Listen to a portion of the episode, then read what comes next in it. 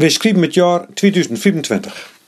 Drie jaar geleden is het kabinet Rutte 4 na amper een half jaar functioneren aftreden moeten na de enquête over de toeslagenaffaire.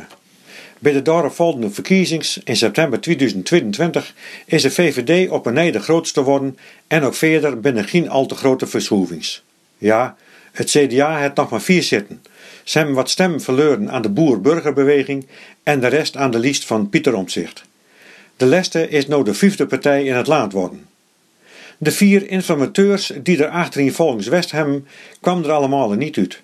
De formateur die uiteindelijk onder tietsdruk van de Tweede Kamer deurpakken moet zal, kreeg al vloggen vier partijen om de tafel. Het werden vanzelfs dezelfde partijen die al jaren met elkaar regeerd hadden. Missionair, maar nog langer demissionair. Dat dan wel met heel veel verschillende ministers en staatssecretarissen, om reden de ene naar de andere aftreden moest of dan kreeg.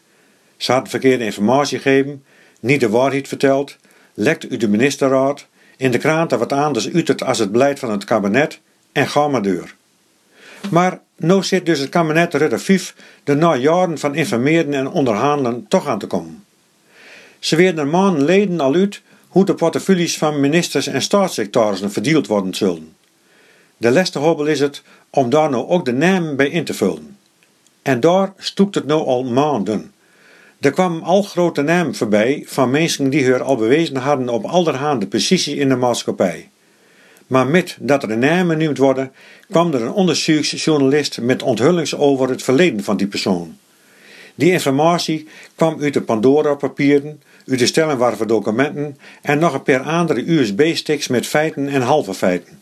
De journalisten trapten vol op het orgel. Hoe kon ze nou deze man voordringen voor het departement van justitie? Hij had vijf jaar geleden nog een bekeuring gehad om reden hij 10 kilometer te harder.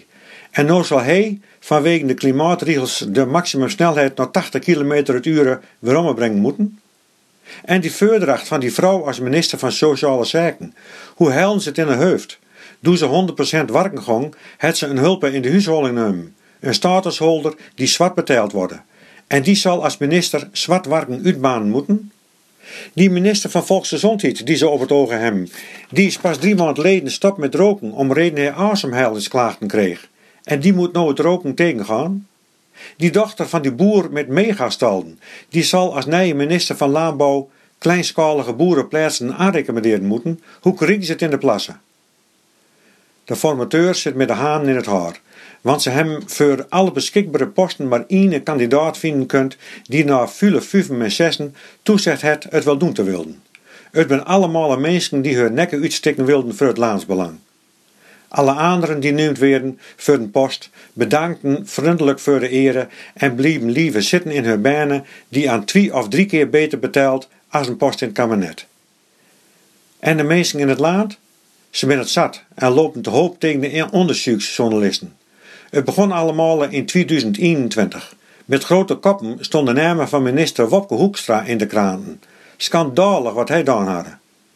Maar op de vragen wanneer en waarmee hij de wet overtreden hadden, kwam als bescheid: nee, hij had niks onwettigs gedaan en is keurig binnen de regeltjes bleven, maar het was al onethisch.